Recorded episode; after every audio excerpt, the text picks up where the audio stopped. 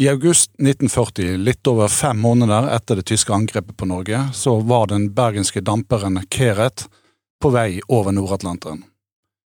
Keret hadde forlatt Metal Road ved Glasgow og gikk i konvoi mot eh, Canada i ballast. Lite visste mannskapet på 20 mann at eh, vest av Irland fikk den tyske ubåten U-37 damperen i sikte.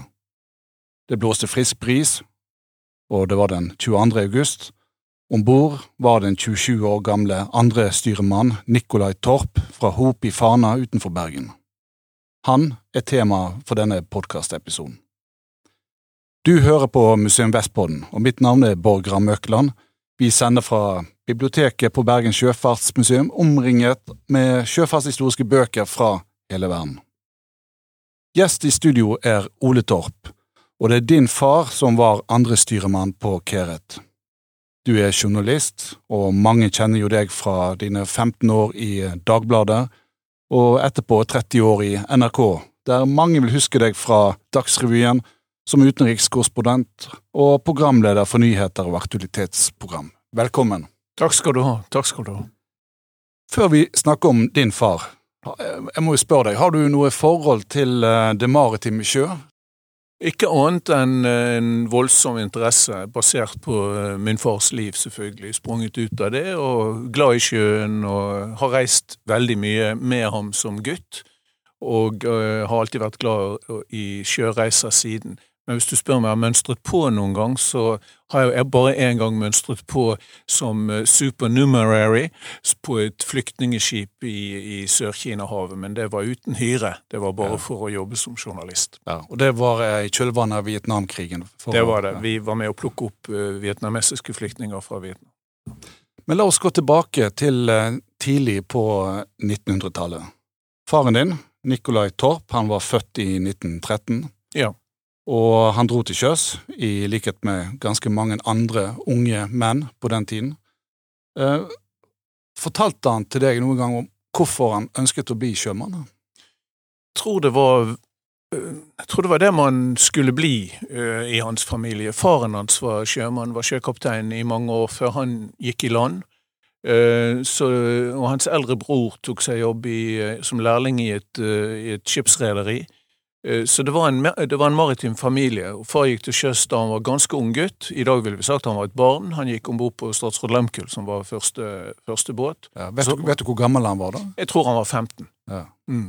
ja det, det, er jo, det, er jo, som barn. det var barn. Jeg, det skulle ikke vært forbauset om han reiste ut som 14-åring, men jeg ja. tror han var 15. Ja. Og, og, og, fikk jo venner for livstid der. Eh, etter, etter statsråd Lehmkuhl så vet jeg han var på Vestfold Larsen-båter i, i mange år mm. før han begynte i det bergenske. Ja.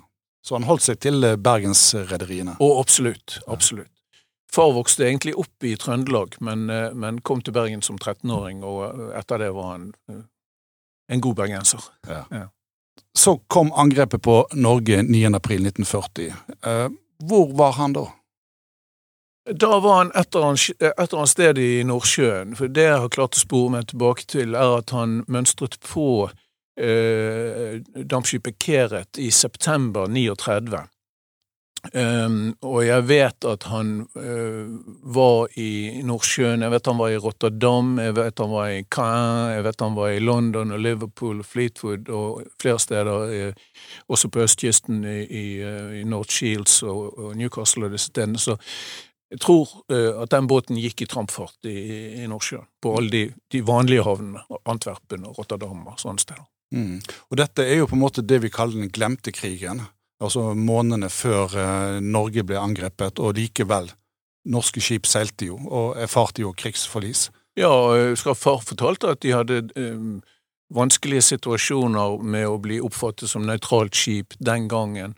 Um, de ble forsøkt holdt igjen i Frankrike, for eksempel, da tyskerne kom og overtok av en av en los som ville holde dem igjen, sånn at tyskerne kunne beslaglegge skip og sånne ting. Så det var, det var en eh, Ja, det var noe halvår der i vakuum, på en måte. Mm.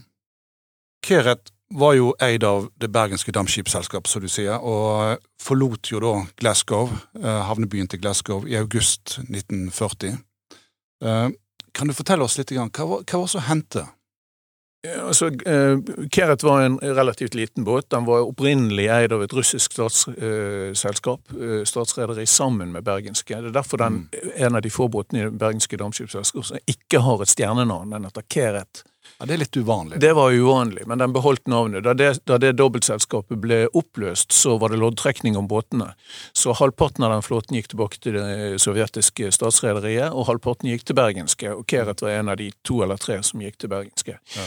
uh, ja, han Den, den eh, sensommeren eh, 1940 vet vi at de gikk fra fra eh, Glasgow-traktene mm, retning Nova Scotia i ballast, og de gikk eh, til å begynne med i konvoi. Eh, eh, Konvoitjenesten var ikke så utbygd som den senere ble på den tiden, så det var, det var litt, de var nok litt løsere, de konvoiene, enn de store atlanterhavskonvoiene som kom senere. Men vi vet at konvoien ble oppløst etter et par dager, og så Um, jeg tror det var sånn at de gikk ut um, um, 19.20., 22. om kvelden, sent på kvelden ble de torpedert. Veldig sent på kvelden, halv elleve-tiden. Ja, for det var jo en tysk ubåt, U-37, som fikk eh, Keret i, i sikte. Og dette var Um, en av de ubåtene som tok flest skip under, uh, under krigen. Det var av S-ene som, som gjorde det. Ja, for, for dette, dette var jo en, en um, Ja, altså han tok, sånn jeg har forstått det, over 20 handelsfartøy Ja. eh, bare i 1940. Ja, jeg tror, det var, jeg tror han rangerte som nummer fem eller seks av de mest suksessfulle tyske ubåtene. Ja. Og skipet blir senket. Skjer det helt sånn uten forvarsel? Ja, det er det som fremgår av, eh, av sjøforklaringen. eh, og Der er jo syv mann som overlever, 13 som omkommer, blir drept. Um, Far sto på vakt på broen, eh, og, og ifølge sjøforklaringen sto han og så akterover, og så at eh, eh, akterskipet eksploderte. Og eh, skjønte at det var en torpedo. Det går ut fra at de skjønte det mer sånn intuitivt, for det, var vel det de snakket om hele tiden. Mm. Kommer det en torpedo, eller kommer det et bombefly? Så, så de skjønte det intuitivt, og, og det var jo de, de som var på broen som for en stor del overlevde. Alle, alle i maskinen omkom, ble drept, øh, og mange andre. Eh, og kokken overlevde, men ellers var det øh, Det var en matros, det var en jungmann, det var øh, far som var anstyrmann, det var først styrmann, og det var skipperen som overlevde Ja. noen omkom nok i lugarene sine. og Det er en beretning i sjøforklaringen om at en av de som overlevde, traff maskin, eh, maskinsjefen i, eh, i en eller annen korridor, Mm. eh, men så krenget vraket veldig, og så falt han baklengs og ned i rommet og ble drept på den måten. God. De så han iallfall aldri igjen. Og det, det gikk jo fryktelig fort, dette, fordi at det står ikke i forklaringen at skipet brakk i to. Um, torpedoen traff mellom tredje og flere, fjerde luke, eh, altså nokså midtskips, og, og brakk og gikk ned på under to minutter. Oi. Så da de lå i sjøen, så de hun gikk ned med, med baugen sist, helt sånn vertikalt. Sånn, sånn som du ser på disse, de berømte bildene, det typiske bildet av, av en torpedering, at du ser skipet brekker i to, og så går hun ned, og så er det luft i, luft i, eh, i baugen, Ja. så den synker sist. Eh, far din, han eh, Hvordan klarte han å overleve? Ehm, altså, hvis jeg skal basere meg på det han fortalte meg, og det som står i sjøforklaringen, så er det variasjoner over et tema. Han, eh, han, han og skipperen løsnet en livbåt. Livbåtene var svingt ut. Eh, Dette foregår på Barbors side. Ehm, altså venstre side for dine lyttere som ikke er sjøkyndige. um, og så fikk de, og den, den, eh, alle livbåtene var svingt ut, for de gikk jo i krigsfart, så de lå klar. Og så eh, løsnet skipperen davitten på, på, eh, i baugen på livbåten, og, og far akterut, og så, had, og så hadde han hengt seg opp litt med tau og noe sånt, så de måtte frem med kniver og kutte og kappe, og så var det en dramatisk historie hvor skipperen br- brøler til min far, som var annenstyrmann, da. «Eh, Du må, du, må, du må løsne bak, eh, for vi må, vi må få den på vannet. Og så svarer min far den er på vannet allerede. Det betyr at båten var allerede begynt å synke veldig raskt. Livbåten var allerede på sjøen. Så kapper de livbåten, uh, livbåttrossene og davitene, men da velter livbåten inn mot skutsiden, sånn at de begge faller i vannet. Uh, og så svømmer de bort. Uh, min far har hevdet at han, at han traff uh, skipssiden, kravlet seg på den og stupte uti igjen. Uh, mens kapteinen uh, forteller at han ble med livbåten under den den ble trukket under. Men i hvert fall kom de seg opp og, og fri av vraket og svømte da alt de kunne bort fra det. Og, og ifølge min far og hans forklaring i Nova Scotia noen, noen, uker senere, så snur han seg i vannet for å hvile, tar noen ryggtak. Og da ser han, da ser han båten gå ned. Mm. Og så er det vrakrester og, og, sånt i, i, sjøen, da, selvfølgelig. Mm. Og så er det noen som har klart å overleve på noen eller reddet seg på noen flåte? Ja, altså noen hadde satt seg på en, eh, på en, en av lukene mm. eh, som, som, kom fri, og noen hadde noen satt på, på gummiflåter. Eh, og noen De forsøkte da å samle de overlevende ved denne livbåten som lå, eh, lå med kjølen opp, den var kapseist. Um, og så, når de klarer å få samlet um, uh, resten av de overlevende under hele den dramatiske disse to timene så driver de og roper og spør om det er folk i vannet som kan svare om De forsøker å samle informasjon og finne ut hvor mange som er i live. Mm.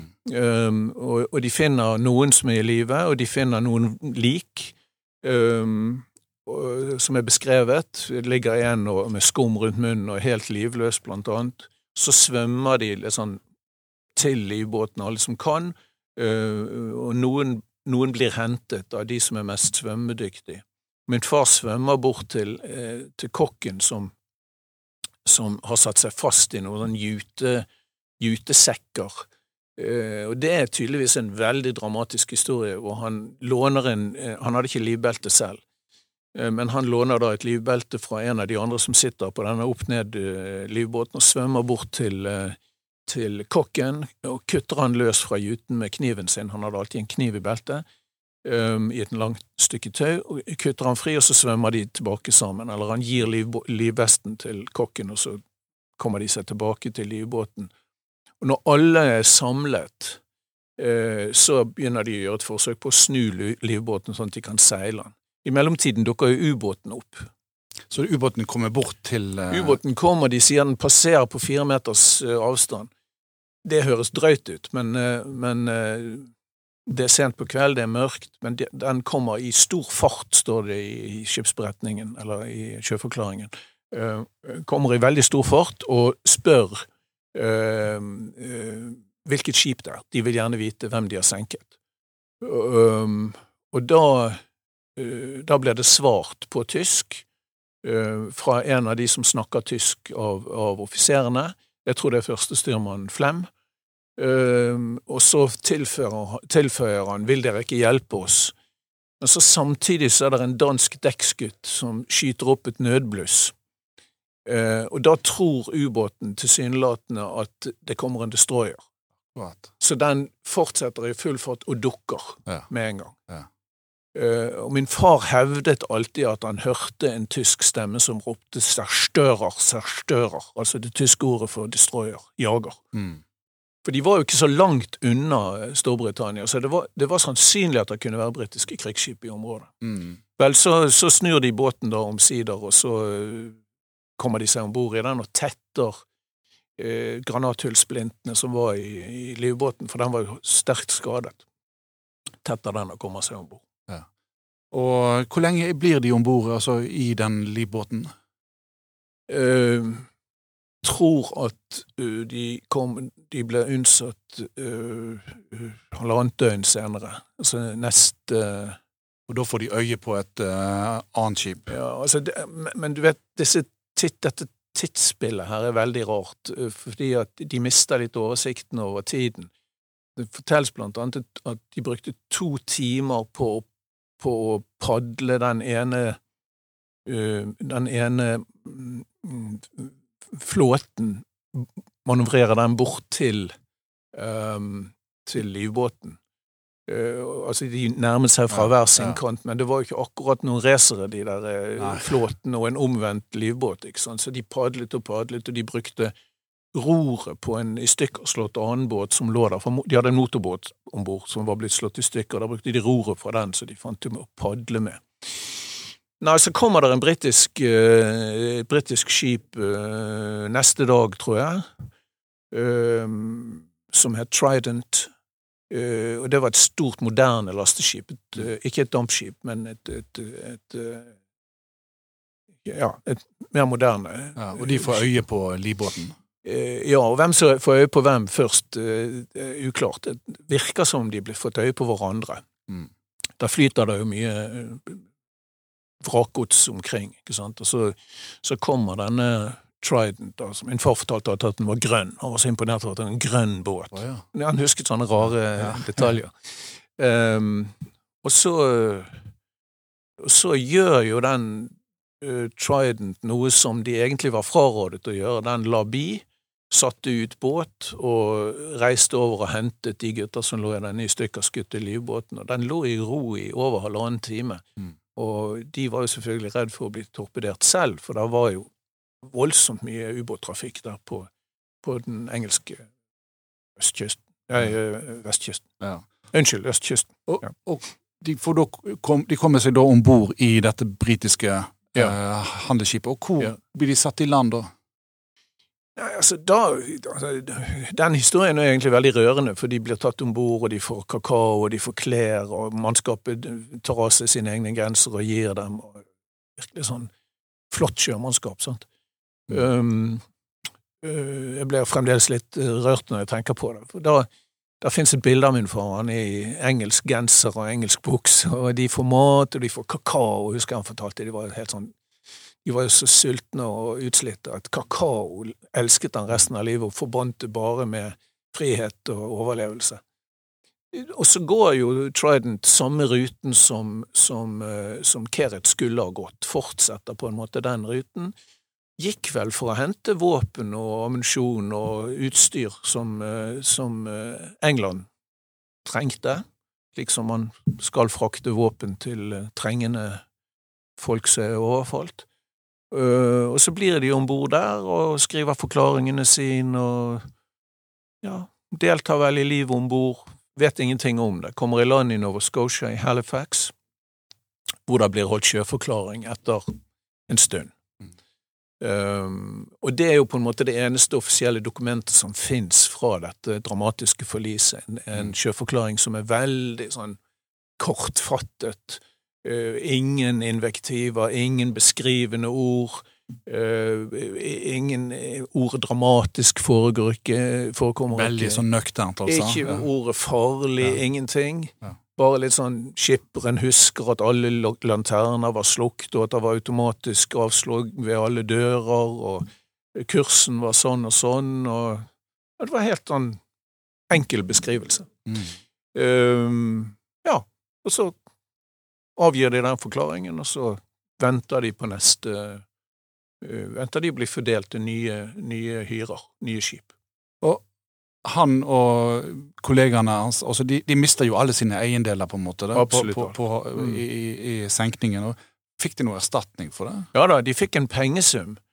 Uh, de fikk en pengesum. Uh, det er helt riktig som du sier, de hadde bare det de sto og gikk i. Altså, smykker og papirer og Det var en av de som grabbet passet sitt og sertifikatet, Mm. um, som vel var eh, Ja, jeg tror det var førstestyrmann. Han fikk med seg litt, sånn, litt personlige papirer mens han løp ut. Eh, uh, far fortalte alltid at han mistet eh, Han mistet alle pokalene han hadde fått som skihopper. Å, ja. Og det var han, det var han fryktelig forbanna for. De, de ligger på Atlanterens bunn. Um, nei, så fikk de noen penger, og så reiste de til New York, og de ventet på nye, nye skip. Ja. Uh, og senere på uh, samme år, uh, litt utpå høsten, så mønstret han jo på eh, nytt skip. Ja, mønstret på et annet bergenske skip, dampskipet Lyra, som hadde gått som sånn hadde gått som hurtigrute, faktisk. Om Du kan tenke deg at han var på den størrelsen. Mm. reservehurtigrute. Han mønstret på Lyra meget mot sin vilje. og Han var eh, dritforbanna og ville absolutt komme seg på en destroyer for å skyte tilbake, som han sa. Akkurat. Så han ville skifte heit? Han ville bli marinemann, for ja. han ville skyte på tyskere. Mm. Uh, uh, men så fikk han ikke lov til det. Det var en klage eller en søknad som ble behandlet. Men far hadde den litt spesielle situasjonen at han var både styrmannsutdannet og telegrafistutdannet.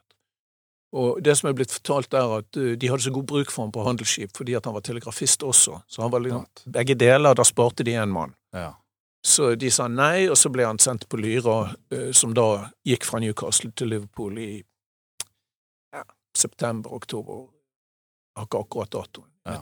Og da, da, seilte han i konvoiene eh, resten av krigen på, ja, på det skipet. på, på den på den, og ble forfremmet til førstestyrmann uh, før krigens slutt. Så, og, men også telegrafist på den. Ja. Um, og gikk da i konvoi uh, mellom England og Island, for det meste. Ja. Og han slapp heldigvis et nytt uh, torpedering, eller? Ja, ja, han slapp. Ja. Han slapp det. Han så torpederinger, han så bombeangrep, og de var jo på alerten hele tiden. Men var ikke blant dem som ble torpedert to eller flere ganger. Mm. Men det tok ganske lang tid før han fikk komme hjem til Bergen? Ja, shippingen gikk jo som den skulle, og der var jo i trafikk, og det var en kommersiell uh, båt, så han kom hjem senhøsten 1945, og da kom han til Oslo av alle steder. Ah, ja. Uh, så det gikk lang tid. Det var ikke sånn at alle båter kom hjem 8. mai 45. Sant? De, de fortsatte å seile, ja. og det var nye oppdrag hele tiden. Men så kom jo uh, Lyra inn, da, og, det, og bildene det er jo fantastiske. for Eh, da er, det, da er, den oppe med alle signalflaggene og pyntet til skrud, ikke sant, og, mm. og festet kom inn til Honnørbryggen i Oslo. Alle, jeg tror alle norske skip som kom, ble mottatt med salutt, eller ikke salutt, men med hurrarop. Ja, ja. ja, det er jo flott. Og så kom familien til besetningen over til Oslo for å ta imot. Akkurat. Mm. Etter krigen, da, fortsatte han å seile, eller gikk han i land? Um, begge deler. Han, han fortsatte å seile en god stund, men så var øynene hans ødelagt. Um, og det er litt sånn, Han sa selv at øynene hans ble overanstrengt ved uh, bruk av nattkikkert. Uh, for de, de sto jo og glodde uh, mm. ute i den horisonten av den svarte natten hele tiden uh, på vakt, ikke sant. Um, en, en, avvikende historie at han ble ødelagt, at han fikk øynene ødelagt av sot og, og krutt, slam og sånn, da, da, da, de ble torpedert. Mm. Men i hvert fall var øynene ødelagt, og på den tiden etter krigen så fikk du ikke uh, gå til sjøs igjen som dekksoffiser med briller. Ja. Det, det tok, jeg, tror det var langt opp på 60-tallet før du fikk lov å bruke briller. Ja, jeg tror òg det, var, ja. det tok lang tid. ja, det tok lang tid. Så da, uh, ble han, da ble han pørser i bergenske, og seilte på Englandsruten i, mm. i, mange, mange, mange år. Og så prøvde han å gå i land uh, begynnelsen av 70-tallet, tenker jeg. Ja. Prøvde å gå i land og sånn, men det gikk veldig dårlig. Men han holdt seg litt til BDS? Han hadde bånd til BDS? Ja, hele tiden. Ja. Hele tiden. Helt til, helt til, den der brilleregelen inntraff. Mm. Og han skiftet til dekksoffiser, eller til purser og sånn. Og så, når han gikk i land, og prøvde å gå i land i fire-fem år, så, så, var det farvel til bergenske. Da kom han aldri tilbake dit. Så mm. tok han noen sånne kurs og sånne nye brannslukningskurs og oppdatering på maskineri og sånt som de trengte, og fikk lov å seile ut igjen som dekksoffiser med briller. Mm. Og ble kaptein på et par av August Kjærlands-båter her i byen. Ja. Og, og, og, i et canadisk rederi en liten stund. Og seilte så lenge han kunne. Ja. Den tyske ubåtkapteinen som senket Keret, altså Viktor Aaren heter jo han, eh, Snakket eh, far din noen gang om han? Og så hadde han eh, Mange vil jo tenke seg at man kanskje har et hat til den som senker deg. Ja, ja eh, far snakket ikke om ham ved navn, og jeg tror aldri han visste navnet, men han, han uttrykte en slags interesse for å møte ham. Så det hadde vært interessant å få den siden av historien. Mm. Uh, jeg husker aldri at min far var hatefull overfor tyskerne. Jeg spurte han jo selvfølgelig om det da jeg var guttunge. Uh, han var mer sånn at de, de, var på den siden, og vi var på denne siden. og sånn. Men eh, mens min mor, som var i det okkuperte Bergen under krigen, hun hatet tyskerne, Mm. og fortsatte med det resten av sitt liv. Men, men det er også en historie om at far aldri ville sette sine ben i Tyskland. Han ville aldri reist til Tyskland, og da han likevel en gang måtte gjøre det, så kjørte han inn til siden på vei til Benelux-landene, tror jeg, og kjørte inn til siden etter grensepasseringen, og så gikk han ut av bilen, og så pisset han på tysk jord. Og det hadde han lovet seg selv under hele krigen. Ja. Så det var nok en sånn iboende sånt iboende raseri ikke sant, over de som hadde drept kameratene. hans. Det tror jeg mange følte på òg, kanskje. Også i etterkrigstid. Ja, en periode, i hvert fall. Ja. Ja, tror det. Du ble jo sjøl født etter krigen. Ja. Um, Ellers hadde det vært vanskelig. ja. Ja. men men, men var, var på en måte krigen et samtaleemne i, i familien din? Ja, Det var det. Jeg er født i 51, og tenkte jo egentlig aldri over da jeg var guttunge hvor nært det var krigen. Uh, gjenoppbyggingen og, og rasjoneringene og kaffe og sukker og bil og alt det der som var vanskelig å få tak i, telefon. Um, men ja, det var, et, det var et tema i vår familie. Min mor snakket mye om okkupasjonen i Bergen. Uh, hun uh, var en en misforståelse unna å omkomme i eksplosjonsulykken eh, 20. april 44. Eh, Og far snakket mye om uh, seilingen. Men det som er interessant, syns jeg, er at eh, han fortalte veldig tidlig. Altså, jeg var virkelig en drittunge. Jeg var sånn åtte-ni når han fortalte. Da fortalte han alltid de spennende historiene. Mm. Altså de der ramsalte historiene og bølgenes høyde og rullingen og sjøsyk og spennende havner og fly langt borte og, og selve, selve torpederingen når de hoppet fra bordet og sånn. Aldri noe om redsel, aldri noe annet om, eh, om, eh, om krigen som var, som var skummelt. Fortalte aldri at de var redd for å bli torpedert igjen. Det var de selvfølgelig, de kan jo nesten ikke ha tenkt på noe annet. Mm.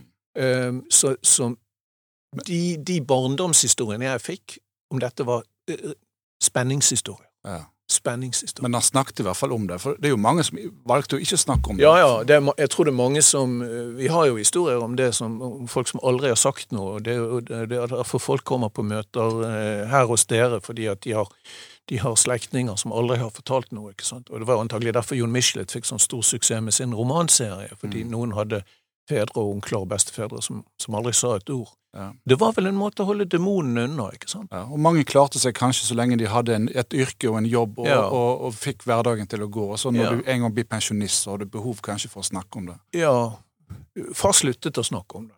Mm. Um, jeg vet ikke grunnen til det, men han, han- det var akkurat som han snakket seg ferdig. Helt til han ble veldig gammel, og, og um, da Far klarte seg jo egentlig enormt godt. Mm. Med mindre han skjulte mer enn vi var klar over, så må jeg si han klarte seg godt. Han fikk aldri et alkoholproblem, tilsynelatende aldri et nerveproblem, var av natur robust og tøff, Mm. um, iallfall utenpå, men da han ble veldig gammel, kom det mye tilbake igjen. Mm. For eksempel nektet han å bade i, i sjøen. Oh, ja. Han, han du kunne reise på ferie eh, i Hardangerfjorden eller i, hvor som helst, og hvis det ikke var svømmebasseng, så ville han ikke i sjø. Så han ble, han ble det han selv omtalte som sjøredd. Ja. Men, eh, og han kunne helt på slutten aldri sove med lukket dør og lysene av. Det, det var også veldig vanskelig for han. Han ville, han ville gjerne ha lys på i gangen og døren på gløtt. Og det tolker jeg som resultat av det der å ha levd et liv på sjøen og være redd for Eh, at Far din fikk jo òg eh, krigsmedaljer for innsatsen. Mm. Eh, han fikk både krigsmedaljen og Håkon 7.s frihetsmedalje. Men snakket han òg om hvordan han opplevde på en måte, hva skal du si, oppgjøret etter krigen? Spesielt det med Notraskip, som var jo veldig omdiskutert. Eh, det såkalte hemmelige fondet Ja. og sånt. Og så, snakket han noe om det? Følte han en Bitterhet. bitterhet? Ja. Men han far var, han var sånn han var ikke sånn som slo seg på brystet og sa at å, alt vi utrettet og han, han, var, han var ikke den typen. Han, var litt sånn kort og sånn. De skylder oss penger. De skylder oss penger. Ja. Eksgratiaen og sånn, ikke sant? Og hyren de hadde trukket urettmessig. Og, Og det, han var stolt av krigsmedaljen. Den fikk han av Nordahl Grieg på, på Ja, det var Nordahl Grieg Å, som delte den ut på Island. Den var han veldig stolt av. Og så fikk han jo en medalje til i, i høy alder, på, Ja. veldig forsinket av ordføreren ute i, ute i Håkonshallen, i en stor seremoni der. Eh, han var stolt av medaljen. Eh, Krigsmedaljen hang på veggen hjemme, sammen med et bilde av den siste båten, av Lyra.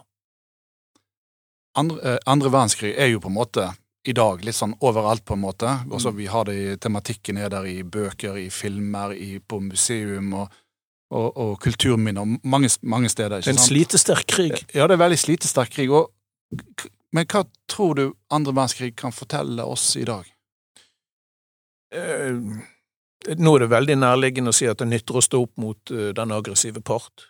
Og uh, jeg besøker hver gang jeg snakker om min far og sier at han var jo bare én av mange. Han var ikke en spesielt stor helt, han gjorde sikkert noen heltedåder, men, men jeg er opptatt av at det er den samlede eh, sjømannsstanden under krigen vi skal takke eh, for at de gjorde en sånn enorm krigsinnsats som vi har hatt en tendens til å um, underkommunisere.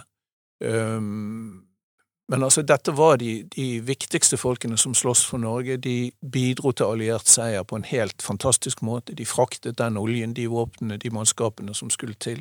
Særlig tankskipene under Battle of Britain, selvfølgelig, men tvers gjennom hele krigen, i all slags vær, øh, på all slags konvoier, og et, et, et farefullt yrke og en hverdag som vi nesten, nesten ikke kan forstå i dag. Takk til deg, Ole Torp, for at du har delt historien om din far, Nikolai Torp. Takk òg til eh, produsent Magnus Kvarving ved Bergens sjøfartsmuseum. Vil du vite mer om krigsseilernes historie, så vil jeg anbefale deg å høre på noen av podkastene våre her på Museum Vestpodden. Der finner du mange samtaler om akkurat dette temaet. Følg oss gjerne på Spotify. På gjenhør.